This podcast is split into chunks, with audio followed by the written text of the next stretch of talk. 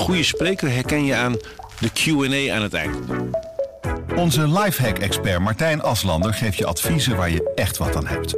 Beluister en bekijk Martijn of een van onze andere experts op businesswise.nl. Businesswise, het nieuwe platform voor iedereen met ambitie.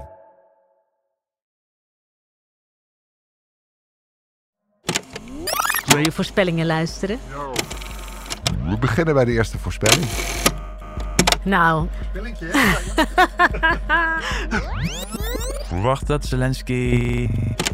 Het grote thema van 2022 wordt toch vooral de Eh, we gaan horen wat je daarover hebt gezegd. vast niks, niet veel goed.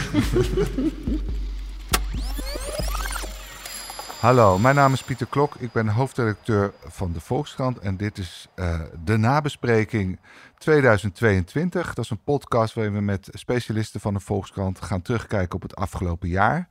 Dat doen we aan de hand van voorspellingen die ze eerder hebben gedaan. Eh, we gaan kijken of die voorspellingen zijn uitgekomen. eh, en, en zo, nee, waarom niet? Ehm, vandaag gaan we praten met onze economisch redacteur Peter de Waard. Schrijft al sinds eind jaren 70 over de economie, heeft al vele crisis meegemaakt en kan daardoor de huidige crisis ook eh, goed duiden. Welkom Peter. Ja, goedemiddag. Het is eh, bij het moment van opnemen donderdag 15 december en vanmiddag komen de centrale banken bijeen om te beslissen over een nieuwe renteverhoging. Peter, jouw voorspellingen waren van eh, maart, dus dat was na het begin van de oorlog. Daar hebben we je natuurlijk wel een beetje mee geholpen, want als je ze in januari had moeten doen, denk ik, was geen enkele voorspelling uitgekomen. Eh, we gaan naar jouw eerste voorspelling luisteren. Ja, het is natuurlijk altijd twijfelachtig of de sancties er eind dit jaar nog zijn. Want eh, ja, op een gegeven moment houdt niemand dat vol. Dus eh, Rusland zou dan zo verarmen dat het een probleem wordt en ook een gevaar zou worden. Dus voor andere landen, want ze hebben natuurlijk nog wel atoomwapens. En ook veel westerse landen zullen natuurlijk gaan klagen. Want natuurlijk krijg je een populistische beweging. Die wordt versterkt door deze ontwikkelingen. Hè, afhankelijk, al zeker natuurlijk door het vluchtelingenvraagstuk. En de andere is natuurlijk de ondergraving van de koopkracht. Als een heel groot deel van natuurlijk de lagere betaalden ja, hierdoor ontzettend achteruit gaat, ja, dan krijgen ze ook een groot probleem. Nou, Peter, het is wat minder dramatisch geworden dan- je had voorspeld. Eh, Nou, met de koopkracht wel. Natuurlijk, eh, wat ik wel onderschat heb, is natuurlijk de hardnekkigheid van de sancties. Mhm. Blijkt hieruit dat eh, ja, die toch eind dit jaar nog allemaal zijn en die nog steeds eigenlijk verscherpt worden tegen, eh, tegenover Rusland. Dus ja, ik denk dat, dat, eh, dat ik daar wel niet zo goed op zat. Nee, nou ja, je redenering is heel goed te volgen. hè. Je zegt, ik verwacht grote maatschappelijke onrust. Ja. Mensen zien hun koopkracht dalen. Ook de vluchtelingen die hier naar komen. Die had, je had meer maatschappelijke onrust verwacht eigenlijk. En, en daardoor was je analyse, dan komt er enorme politieke druk om toch tot een soort vrede met Rusland te komen en misschien ook die sancties af te bouwen.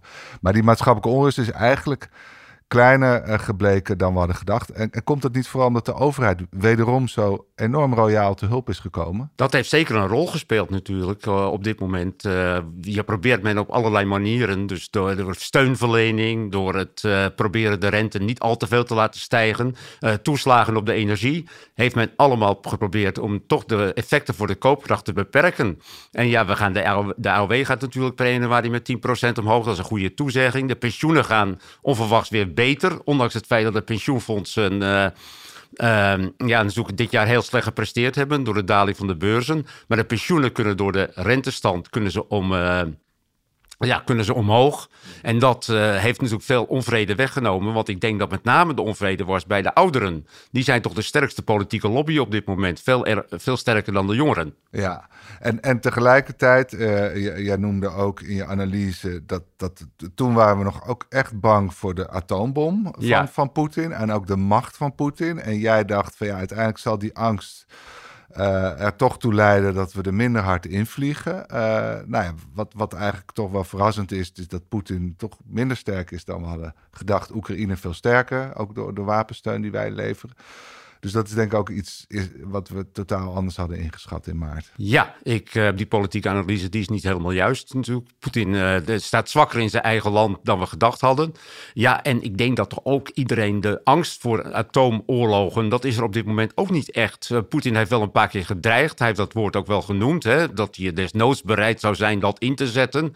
Maar ja, ben, denk toch, Poetin gaat niet zo ver, want dan wordt het zo verschrikkelijk dat, ja, hij is wel gek, maar niet zo gek dat hij de hele wereldbevolking wil gaan vernietigen. Ja, goed. Jij, uh, ik, wil, ik wil met je naar de rente. Uh, je voorspelde dat de rente wel wat omhoog zou gaan, maar niet heel veel. Uh, is dat voor je gevoel helemaal uitgekomen?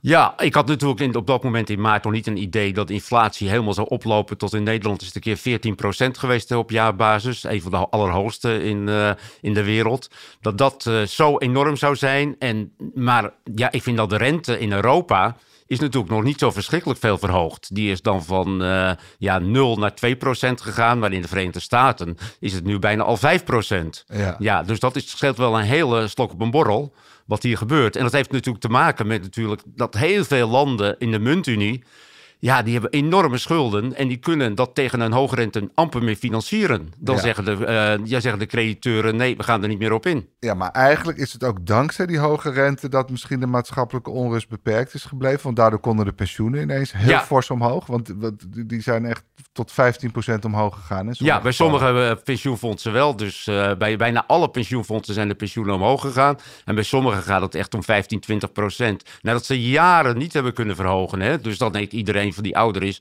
Nou ja, ik ga er toch wel altijd op vooruit. Het, hoewel de effect voor de koopkracht natuurlijk altijd nog weer twijfelachtig blijft. Want ja, de, de inflatie is natuurlijk ook enorm. Ja. Dus uh, deze, dit is eigenlijk meer een compensatie. Uh, ja voor de inflatie, gestegen inflatie. Dat je er echt in koopkracht op vooruit gaan, dat zullen de ouderen ook niet merken. Nee, maar hoe verklaar je dan toch dat die maatschappelijke onrust beperkt blijft? Want de, de, voed, de rijen bij de voedselbank worden langer, uh, de koopkracht is uitgehold, is maar zeer beperkt uh, loonsverhoging. Hè? De, ja. de, de, de, vakbonden slagen er toch vooralsnog niet echt in om nee. enorm hoge loonsverhogingen nee. uit te onderhandelen. Waarom blijft die maatschappij... In, in Engeland hebben we al wel de, de, de winter of discontent, hè, met heel veel stakingen. Waarom gebeurt dat in Nederland niet? Nou, ik kom net uit Engeland en het valt dan mee om met die winter of discontent. Dat uh, reizen nog heel vlot. Okay. dus ja, ik denk, en de vuilnis uh, ligt niet opgestapeld zoals in de winter van uh, 1979, de echte winter of discontent. Mm -hmm. Dus het is vooral op dit moment natuurlijk een probleem bij het openbaar vervoer in Engeland. En de rest staakt nog niet echt. Er wordt gesproken over stakingen, maar het, ja, bij het openbaar vervoer is het erg lastig, met name in de winter natuurlijk, want ze iedereen op die koude stationnetjes, dus er wordt er veel geklaagd. Maar het uh, de echte winter of discontent kan ik in Engeland ook niet zien. Het is niet zo dat de, de vakbonden nou massaal overal het maar werk. Hoe, hoe verklaar je die gelatenheid? Dus... Die gelatenheid, ja, dat is eigenlijk een langzamere ontwikkeling. Kijk, in Engeland, net als in Nederland, zijn natuurlijk, is de organisatiegraad bij de vakbonden enorm afgenomen. En dat betekent dat de vakbonden eigenlijk niet echt een vuist kunnen maken. Die kunnen niet een hele maatschappij weer stilleggen. Dan is er natuurlijk toch ook gouden onvrede als je het openbaar vervoer staat of in de ziekenhuizen. Dat zijn waar de lonen het meest zijn achtergebleven. Ja, dat zijn zeer impopulaire dingen om daar, het, uh, om daar te gaan staken. Ook in het onderwijs. Kijk, de, in het onderwijs is natuurlijk ook het loon heel achtergebleven. Er zijn ook enorme tekorten. Maar ja, men zegt toch van... Uh, ja, als je met het onderwijs gaat staken... dan zitten we allemaal met die kinderen thuis. Waar moeten we ja. mee toe? Ja. Dus ja, dat kan we bijna niet maken. Maar dat is eigenlijk dus heel tragisch. Dus waar de lonen ja. achterblijven, daar is het moeilijkst om te staken. Ja, daar is het moeilijkst om te staken op dit moment. Ja, en hoe gaat dat dan verder? Want, want die onvrede moet toch Ja, dan moet ik weer moment... een voorspelling doen. Dat is altijd gevaarlijk. Oh, ja. dus, uh, maar ik zal het proberen te, te... Ja, ik denk toch dat op een gegeven moment... dat de vakbonden nog niet echt een vuist kunnen maken. Er zijn wel natuurlijk op een gegeven moment... de maatschappelijke ontwikkelingen... dat er zulke enorme tekorten komen... Ja. dat je eigenlijk alleen via immigratie... deze tekorten kan wegwerken. Hè? Met name in de zorg en met, ook met name in de bouw. Hè? Dat zijn uh, andere dingen, installatie, uh, de monteurs. Dat, uh, kan je, dat kan je nog allemaal erg van buiten halen. Wat veel moeilijker is natuurlijk in het onderwijs. Ja. Hoe ga je dat oplossen? Dat, ja, dat weet eigenlijk nog niemand. Dus ik denk dat, dat daar op een gegeven moment wel de lonen omhoog zullen moeten. Oké, okay, goed. En, en de populistische partijen, hebben die nog zoveel de wind in de zeilen gekregen als jij had verwacht? Of is dat toch meegevallen? Of Ja, we zullen, eh, ik eh, ik ben benieuwd wat er gebeurt bij de verkiezingen natuurlijk in maart. Wat er dan gebeurt. Maar op dit moment denk ik dat ze heel sterk zijn. Als je ziet wat de huidige coalitie nog overhoudt. Als je gewoon de fatsoenlijke partijen noemen. Hè, dat is tussen aanhalingstekens dan. Hè, die de meestal regeren. Hè, de PvdA, GroenLinks, eh, VVD, CDA en de christelijke splinters.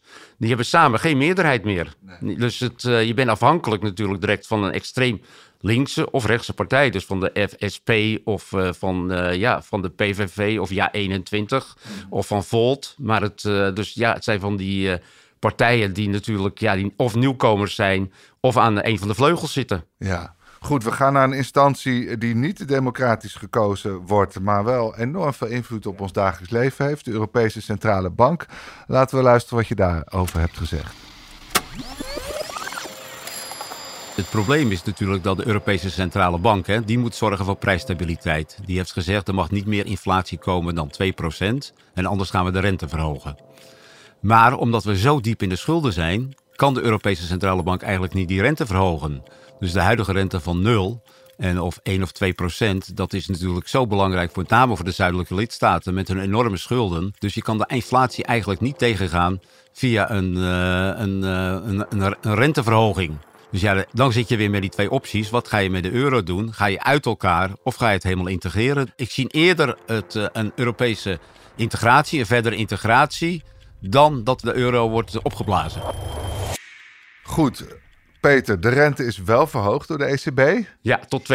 Hè? Dus dat hield ik al een beetje rekening mee in, dat, in dit fragment. Want dat is eigenlijk bij zo'n hoge inflatie zou je eigenlijk de rente veel meer moeten verhogen. Eigenlijk zou de rente veel meer moeten verhogen. Net zoals we, als je 14% inflatie hebt of 10% inflatie, dan is de rente van 2% is nog niks. Ja. Dan gaat die vanmiddag waarschijnlijk wel weer met 2, eh, 2,5. Dus dan is het nog iets meer. Maar daarna houdt het misschien ook wel op. Ja. Dus dan willen ze toch de rente niet hoger eh, eh, doen. De oplossing die is gevonden is toch die verdere integratie. Dat is dit jaar wel gebleken. Dus eh, ja, de Europese, eh, de EU... Maar gaat- wacht even, Peter. Dus je verhoogt de rente. Dat is altijd gevaarlijk voor de zuidelijke lidstaten. Ja. Want die, daar, daar gaat de rente dan altijd harder omhoog dan Ja. in het noorden. Dus het verschil tussen Noord en Zuid wordt weer groter. wordt weer groter. Waardoor zuidelijke lidstaten in de problemen dreigt te komen. Dat kun je oplossen door gezamenlijk Ja. geld te lenen. Dat is de oplossing dan, dat we gezamenlijk als EU geld gaan lenen. Dan hoeft eh, Italië voor bepaalde projecten, grote investeringen in infrastructuur, dan hoeven ze niet meer het, eh, dat zelf eh, te gaan lenen. En als de financiële markten Italië niet meer vertrouwen, Ja. ja, dan zou je op een gegeven moment, eh, de, zou Italië een hoge rente moeten bieden van 6, 7 procent. Hè. Dat gebeurde in 2012 is dat gebeurd. Ja, toen kwam er natuurlijk een acute crisis die de ECB heeft opgelost door heel veel obligaties van Italië en Griekenland en andere zwakke Europese landen op te kopen. Ja, dat zou nu ook weer kunnen, maar, eh, Maar ja, even, even voor mijn begrip. Die rente die Italië eh, nu betaalt, hoe hoog ligt die ongeveer? die ligt nou ongeveer op 2,5 procent, 3 procent denk ik ongeveer. Iets- Een procent hoger dan wat Nederland en Duitsland Maar betalen. hij gaat nog niet echt fors omhoog, omdat Nee. iedereen wel het idee heeft... op het moment dat hij echt hoog wordt, komt de ECB weer te hulp. Ja, dan komt de ECB weer te hulp. Dus eh, ja, die hebben wel gezegd... we willen niet natuurlijk dat Italië in grote problemen komt. De EU-landen, dat moet toch een beetje allemaal in evenwicht blijven. Ja. En die moeten zichzelf kunnen financieren. Dat is de ene, ene waarop men gokt. En de andere kant is natuurlijk... Is het, heeft de ECB ook een deel van de verantwoordelijkheid gelegd bij Brussel... Ja. dus bij de EU... Ja, ga maar gezamenlijk lenen. Dat is het, eh het belangrijk. Dat is op dit moment het geval. Van de week heeft nog Wacht een. even, dat is bij corona begonnen. Hè? Dat ze Ja. voor het eerst zeiden, eh, we gaan die coronasteun, daar gaan we als EU gaan we gezamenlijk geld lenen. En Ja. dat gaan we dan vervolgens onder de lidstaten verdelen. En toen was Nederland al bang van, oh, dit zet de deur open naar ook toekomstige EU-obligaties. En dat is eigenlijk nu gaande. Dat is op dit moment gaande. En van de week is er een belangrijke uitspraak geweest van het, eh, van het eh, opperste gerechtshof van de, in Duitsland, dat in Karlsruhe is gevestigd.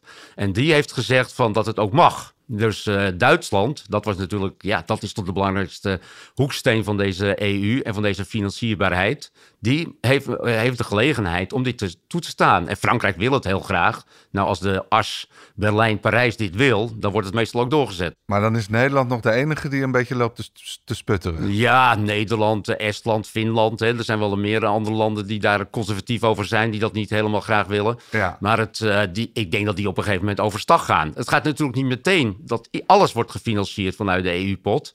Maar dat die ene lening, die beperkt zou blijven tot corona, dat die bijvoorbeeld ook gebruikt wordt voor militaire steun aan de Oekraïne. Of Ja. voor, voor het, eh, ja, eh, het aanleg van vliegvelden of wegen of het ombrengen van vluchtelingen. Dus dat zal langzaam uitdijen. Dat zal langzaam uitdijen. Dus, het, eh, dus die verdere integratie is op dit moment financieel gezien tenminste gaande. Ja, En dat is ook een politieke integratie. Ja, omdat je natuurlijk dan samen een financieringsbeleid voert. en dan wordt Ursula von der Leyen steeds meer ook onze president. Nou, dat zie je ook. Die, ik zie dat de, pre- de, de, de voorzitters van de Europese Commissie dit jaar... ja, die worden toch hele belangrijke personen. Dat Ja. zie je ook. Die zijn veel meer op de televisie. Ja, toch wel net zoveel als eh, Scholz of Macron.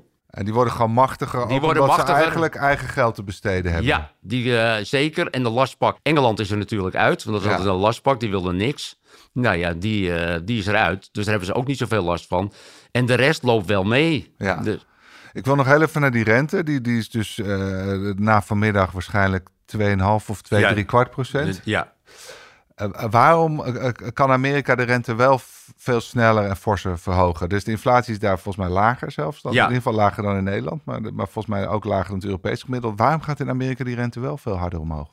Ja, omdat de Fed natuurlijk, eh, eh, ja, die is natuurlijk niet afhankelijk van, eh, van de, de staten. Hè. Er zijn twaalf centrale banken in de VS, maar die zitten allemaal op één lijn. Dus die hebben dezelfde financierbaarheid. Het is een federale overheid. Dat is er in Europa niet. Dus er zijn allemaal mensen die tegen stribbelen. Hè. De mensen natuurlijk uit Duitsland, die zouden graag die rente ook veel meer verhogen. Want die zijn Ja. altijd ontzettend bang voor inflatie.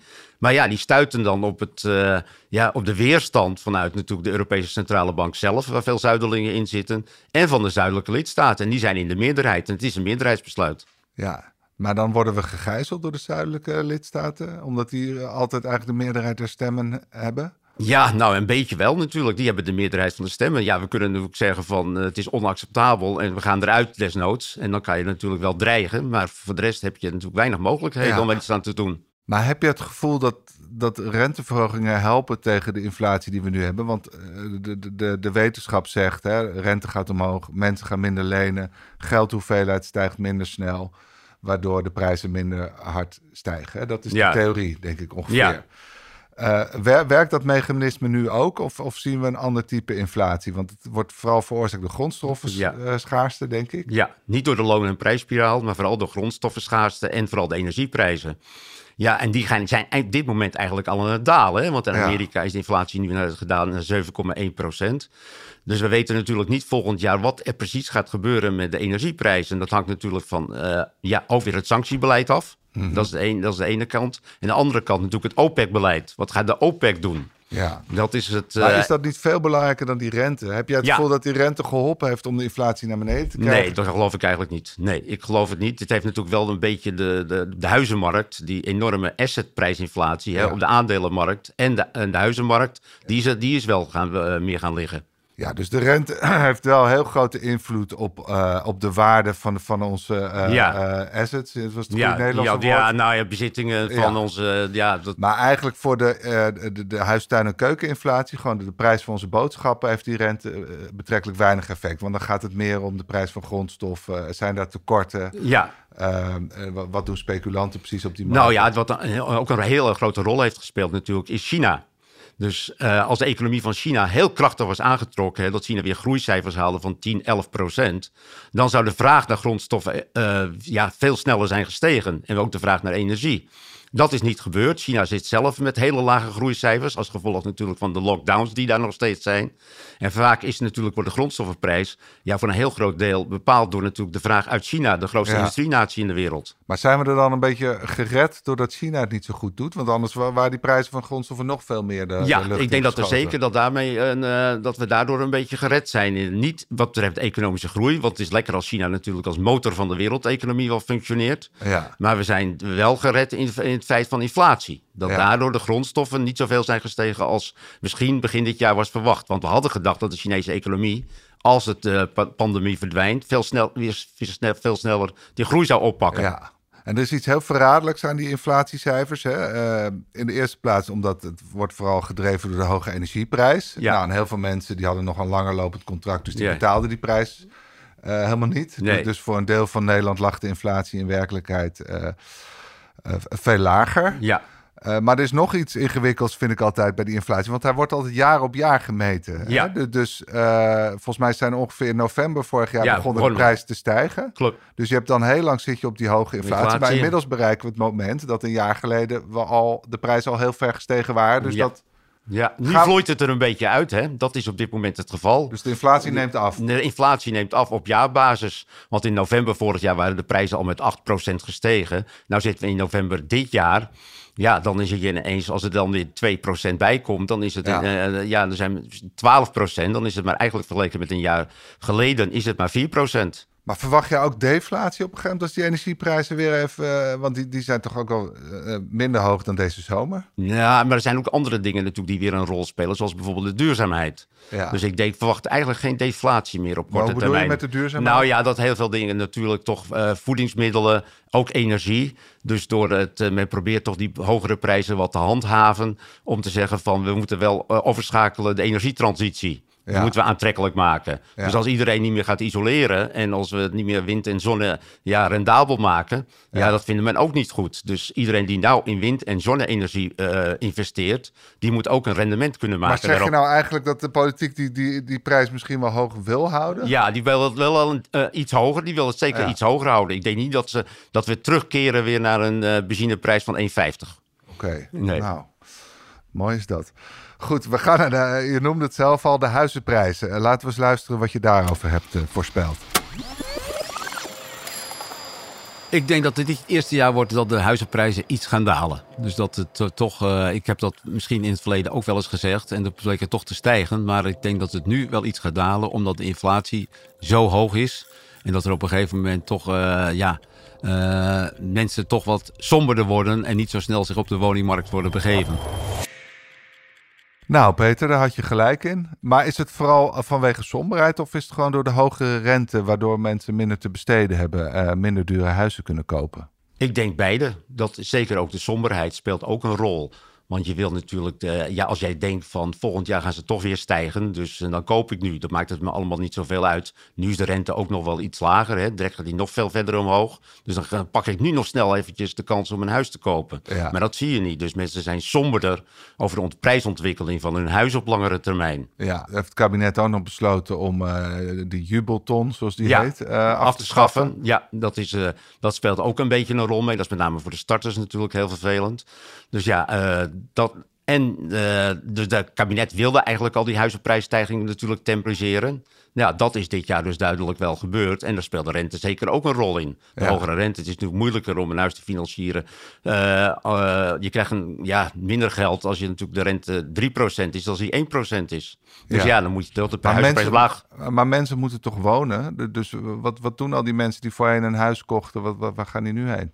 Nou ja, heel veel mensen zullen blijven zitten in het huis wat ze eigenlijk, eh, waar ze eigenlijk zou, uit zouden eh, moeten. Hè. Die zouden natuurlijk eh, ja, eh, gaan verhuizen naar een grotere woning. Dat gebeurt niet. En de starters, ja, die blijven bij hun ouders wonen. Dat is op dit moment wel gaande. Ja, Ja, dus- die stellen dat steeds meer uit. Dus je blijft heel lang klein wonen. Je blijft heel lang klein wonen. Dus ja, je hebt heel veel gezinnen. Ja, ik heb zelf een zus en die heeft nog drie kinderen thuis wonen. Er zullen er twee al over de dertig zijn. Oh ja? Ja, ja dat is het. eh, Ugh, moeten we eens een reportage gaan maken. ja. Maar hoe, hoe moet het verder, eh, Peter? Want eh, we moeten ook heel veel vluchtelingen huisvesten. En het lukt nog steeds niet om huizen te bouwen, ook door de stikstofcrisis. Wat, wat, wa- wa- waar is de uitweg? Ja, de uitweg is natuurlijk dat we met meer mensen in één huis gaan wonen. Kijk, dat is Ja. natuurlijk de oorzaak van het huizentekort is natuurlijk de gezinsverdunning. We willen allemaal alleen wonen. We hebben natuurlijk in Nederland nu 9 miljoen, eh, of tussen de 8 en 9 miljoen woningen. Ja. Ja, we zijn met 17 miljoen, dus we wonen er met, eh, ja, gemiddeld eh, ja, wonen we net met eh 1,8 personen in een huis. Dat is Ja. natuurlijk wel aan het gaande. Ja, kan dat in de toekomst nog allemaal zo, eh, zo doorgaan? Heel veel mensen natuurlijk die ouder zijn, de lege nesten, hè, die allemaal in een heel groot huis blijven wonen. Ja. Ja, en die eigenlijk, eh, die willen daar het maximum bedrag voor als ze ergens anders gaan wonen in een kleinere flat. Ja, dan zijn geen mensen die dat kunnen betalen, die hun woningen kunnen opkopen. Dus die blijven ook maar wonen waar ze zitten. Ja, en Dus gewoon, die hè, doorstroming komt eh, stilstand. ja, maar hoe kan, je dat, hoe kan je dat stimuleren? Je kan moeilijk zeggen tegen oudere mensen, je moet je huis uit en, en, en daar vijf jonge eh, starters is- in zetten. Ja, dan zullen ze op een gegeven moment, eh, ja, dat, dat zou je via de belasting zou kunnen doen natuurlijk. Dus hoe duurder een huis, hoe meer belasting. Dat Ja. is het enige wat je daaraan kan doen. Het eigen huis, eh, woningforfait en zo. Dat daar aanpassingen aan gebeuren. Dat je woont, eh, dure woningen ja, veel duurder maakt voor de mensen die Want er wonen. Is dat in Nederland fiscaal gewoon niet veel te gunstig? Ja, in Nederland is het fiscaal. eh, in Engeland weet ik dat bijvoorbeeld. Ja, daar is ook bijvoorbeeld de onroerend goedbelasting. De council tax, zoals het daar heet. Ja. Ja, daar is het, die is veel hoger dan in Nederland. Dus dat was veel meer afhankelijk van je waarde. Dus als je daar een huis koopt van 5 miljoen, dan betaal je blauw aan belastingen. Dat kunnen heel veel mensen permitteren. Natuurlijk, Ja. al die bankers in de city en al die sterren, die kunnen dat heel makkelijk permitteren. Maar heel veel mensen, die andere mensen niet. Dus het, eh, en dat brengt natuurlijk wel. eh, ja, dan heeft het het aantrekkelijke natuurlijk om voor mensen om weer door te stromen naar kleinere woningen. Ja, maar de, de kans dat het Nederlands kabinet dat doet is vrij klein. Want, Op dit moment met een VVD-kabinet zal dat niet gebeuren. want- want nee. dit is gewoon het kabinet van de huizenbezittende klasse, toch? Ja, dit is het kabinet van de huizenbezittende klasse. Er is wel iets aan gedaan hoor, ook door dit kabinet natuurlijk. Dat is de aftrek van de hypotheekrente. Ja. Die heeft men wel beperkt. Dus eh, men heeft wel gezegd van de jubelton wordt nu afgeschaft. Hè, dus eh, men probeert er wel iets aan te doen. Ja. Maar men vindt zelf natuurlijk deze ontzettende huizenprijsstijging ook niet wenselijk. Nee. Maar we hebben wel Hugo de Jonge nu. En we weten, die is heel voortvarend. En die, en die is allerlei maatregelen aan het eh, afkondigen. De, de, Ja. de, de vrije huur moet worden beperkt. Ja. Hij wil weer regie op eh, de volkshuisvesting. Eh, verwacht je daar een oplossing van? Nee, niet op, eh, op korte termijn. Want het is natuurlijk, eh, planologisch is natuurlijk huizenbouw in Nederland ook heel moeilijk. We zijn natuurlijk een land met, ja, waar niet zoveel ruimte is. En we willen onze groene zones houden. En, het, en daar is een tekort aan bouwvakkers. Dat zijn Ja. wel twee knelpunten natuurlijk die ook meespelen. Dus dan zouden we natuurlijk weer enkele honderdduizenden Oekraïners die in de bouw zitten, die zouden we hier naartoe moeten halen. Ja. Oké. Nou, dat valt niet mee. Nee, goed. Peter, we gaan het over onderwerpen hebben waar, waar ik eh, zelf niet zoveel mee heb. Omdat ik vanaf het begin af aan heb gedacht, dit is tulpenhandel, eh, dit is eh, windhandel. Eh, ooit in 2016 kwam ik iemand tegen die zei, je moet nu bitcoins kopen. Soms word ik wel s'nachts wakker en dacht ik, hoe zou mijn leven er hebben uitgezien als ik dat toen had gedaan? We gaan het hebben over crypto en wat jij daarover hebt gezegd. De cryptomunt die zal dit jaar ook een beetje die discussie zal gaan, eh, ook gaan variëren. Maar de bitcoin zal waarschijnlijk weer een keer omhoog gaan en die zal er ook een keer weer heel hard vallen. Maar we gaan het in het betalingsverkeer gaan we het niet invoeren. Daar is op dit moment te weinig steun voor. Eh, het, is, het blijft natuurlijk een ongereguleerde markt. Dus ik denk aan het einde van het jaar dat de chaos rond cryptomunten alleen maar groter zal zijn. Maar het, eh, dat we er zeker niets mee zullen betalen. Nou Peter, eh, opnieuw eh, zat je helemaal goed. Ja, de chaos is enorm ja, Ja. op dit moment. Ja. Ja, hoe groot is die chaos? Is dit het einde van de crypto? eh, die Dat we- is ook dat weer- zien?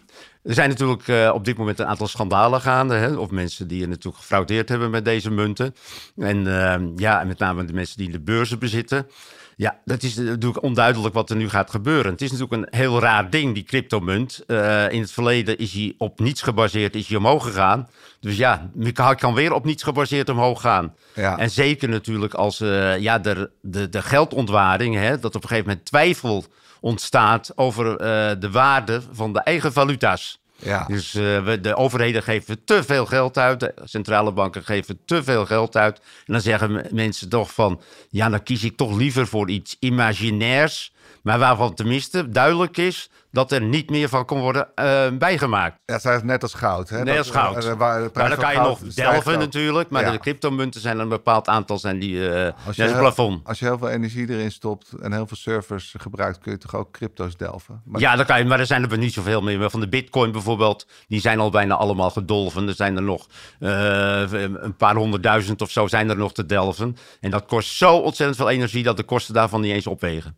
Oké, dus, dus dat, dat eh, neemt nu ook eh, af. Dat neemt nu af, de ja. van nieuwe crypto's. En mensen zien natuurlijk dat deze markten gemanipuleerd worden. Hè. Bekend dit jaar was de Dogecoin. Dat Ja. is dat eh, ding die Elon Musk op een gegeven moment propageerde. Dat was een grap, een cryptomunt die als grap werd gelanceerd. Maar Musk zei, dat is hartstikke leuk, dat ga ik in. Ja. Nou, toen volgde iedereen, dus dat ding. Ja, dat ging wel de verduizendvoudigde in een korte tijd. Ja. Ja, later zei, zei Musk weer van, nou, ik, ik ga eruit, ik verkoop een deel. Ja, ja, toen stortte het weer helemaal in. Ja, maar is het toch een fenomeen? Als ik jou een beetje beluister, denk ik, het is eigenlijk een blijvend fenomeen. Want mensen verlangen naar speculatie, verlangen naar snelle winsten. Ja, Uh, dus er zal altijd weer behoefte zijn aan, aan een, een soort, uh, ja, zo'n soort beleggingsproduct eigenlijk. ja, anders zoek je het bijvoorbeeld in de kunst of in de Ja. wijnen of uh, wat postzegels in het verleden. Dus dit is De- gewoon de menselijke hebzucht, Ja. die, die, is de grote Mensen zoeken erachter. altijd naar een buitenkantje natuurlijk van iets wat je koopt en wat natuurlijk in waarde heel snel stijgt. Ja, Ik denk dat dat, eh, en dat was natuurlijk, de, daar was de crypto een voorbeeld van. ja. En het gekke is, nu wil volgens mij de Nederlandse bank even zeggen... je moet, je moet de crypto gaan reguleren. Je moet daar toch wat regels voor op gaan stellen. Want het is nu het Wilde Westen. Hè? Dat, dat faillissement van die cryptobeurs FTX was Ja. daar ook wel een extra trigger voor, denk ik. Van we moeten die, die cryptobeleggers toch een beetje gaan beschermen. Is dat een goed idee? Nou, ik ben er niet zo voor. Ik denk dat je gewoon moet zeggen van eh, we moeten crypto niet hebben. En het, eh, dat je het of moet verbieden. Nou, het is heel erg moeilijk omdat je dan naar het buitenland gaat. Dus eh, dat blijft voortwoekeren. Maar het, als je het natuurlijk gaan zelf ga- deze munten ook gaan uitbrengen. Ja, dan ga je het ook een beetje reguleren. En dan ga je ook eigenlijk zeggen van ja, het is eigenlijk wel goed. Je gaat het legitimeren. Ja, je gaat het veel meer legitimeren. Ja. En dat vind ik eigenlijk niet heel goed. Maar Dus, goed, je hebt dus je hebt reguleren, hè? dan ga je regels Dus, en ja. moeten ze misschien bepaalde transparantie in acht nemen. Dat, dat is één deel. En het andere deel is, en, en die beweging was er ook, dat ze zelf een digitale munt uit gaan geven, toch? De ECB of ja, maar dat DNB. blijft ook imaginair. Dat blijft wel. Maar het, waarom eh, willen ze dat? Ja, om die, eh, omdat ze denken dat er misschien toekomst in zit. En dat mensen daar vertrouwen in hebben, omdat er niet, eh, on- eh, niet kan worden bijgemaakt. Dat er een maximum aan zit. Ja, Maar goed, waarom de centrale banken dan niet zeggen van... we maken ook een maximum aan onze eigen bankbiljettenuitgifte?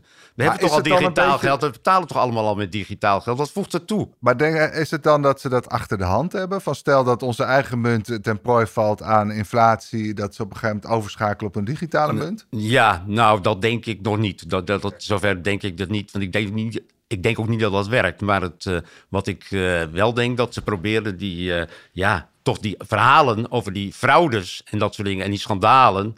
En dat ze dat proberen weg te halen en dat ze het in iets, ja, eh, on- wat onder toezicht staat van de centrale bank, proberen te reguleren. En dat er dan misschien wat beter werkt of het, tenminste die schandalen weg zijn. Maar ik vind het nog steeds geen systeem om daarmee geld te betalen. Ik geloof, ik geloof er absoluut niet in. Omdat het betaalsysteem werkt op dit moment heel goed, digitaal. We hebben gewoon een prachtig betaalsysteem. Hey, Ja. Nog even naar die cryptobeurs FTX. Hoe kijk je daar tegenaan? Die, die man zit inmiddels in de gevangenis. Ja. Wat, ja. wat is daar nou precies gebeurd?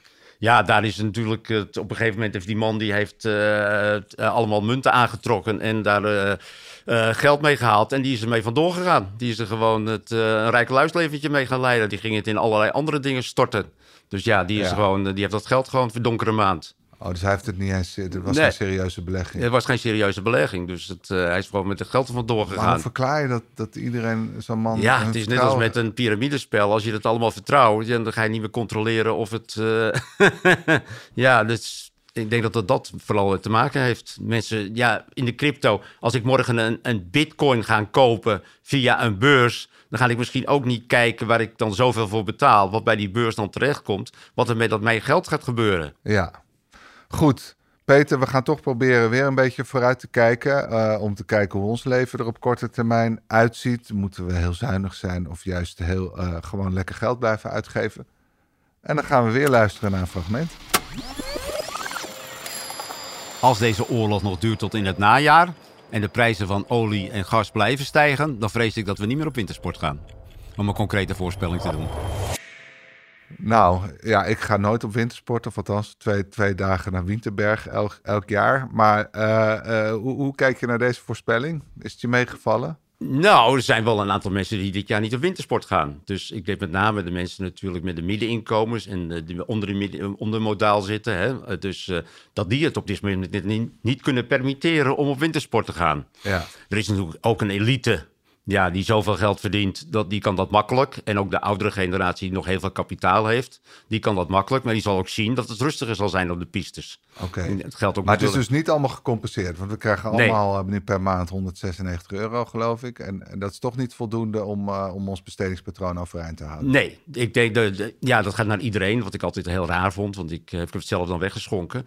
Maar het, Ja, ik vind dat een heel, heel raar systeem dat ook mensen die het eigenlijk niet nodig hebben, dat zijn de mensen die natuurlijk op wintersport gaan, dat Ja. die, dat, die dit, eh, dat geld ook krijgen. Dat heb Ja, ik altijd maar eigenlijk mensen, groepen, dus dat zijn vooral middeninkomens die het Ja. allemaal net konden daar betalen. kon net konden betalen. Die moeten nu zeggen, Ja, die willen eh, toch, die gaan toch wel, die willen toch wel een kerstfeest vieren en dat soort dingen en een verjaardag door laten gaan en abonnementen van verenigingen of van eh, eh, tijdschriften en lidmaatschap van verenigingen. Dat vinden ze toch op een gegeven moment belangrijker dan een, winter, dan een wintersport. Want wintersport is natuurlijk ontzettend duur. Ja. En dat kost ook natuurlijk weer heel veel energie. Dan krijgen we direct nog meer, hè, want er moet meer kunstsneeuw eh, hè, door de klimaatveranderingen ges- opgespoten worden. Ja, dat kost ook geld. Dus ook daar is het misschien wel deels een gunstige ontwikkeling. Ja. Goed, Peter, dankjewel. Eh dit was de nabespreking, de podcast waarin we terugblikken op eh 2022. Morgen zijn we er weer met de laatste aflevering. Dan ga ik met Shaila Sitalsing het politieke jaar doornemen. Graag tot dan. Een goede spreker herken je aan de Q&A aan het eind. Onze lifehack-expert Martijn Aslander geeft je adviezen waar je echt wat aan hebt. Beluister en bekijk Martijn of een van onze andere experts op businesswise.nl. Businesswise, het nieuwe platform voor iedereen met ambitie.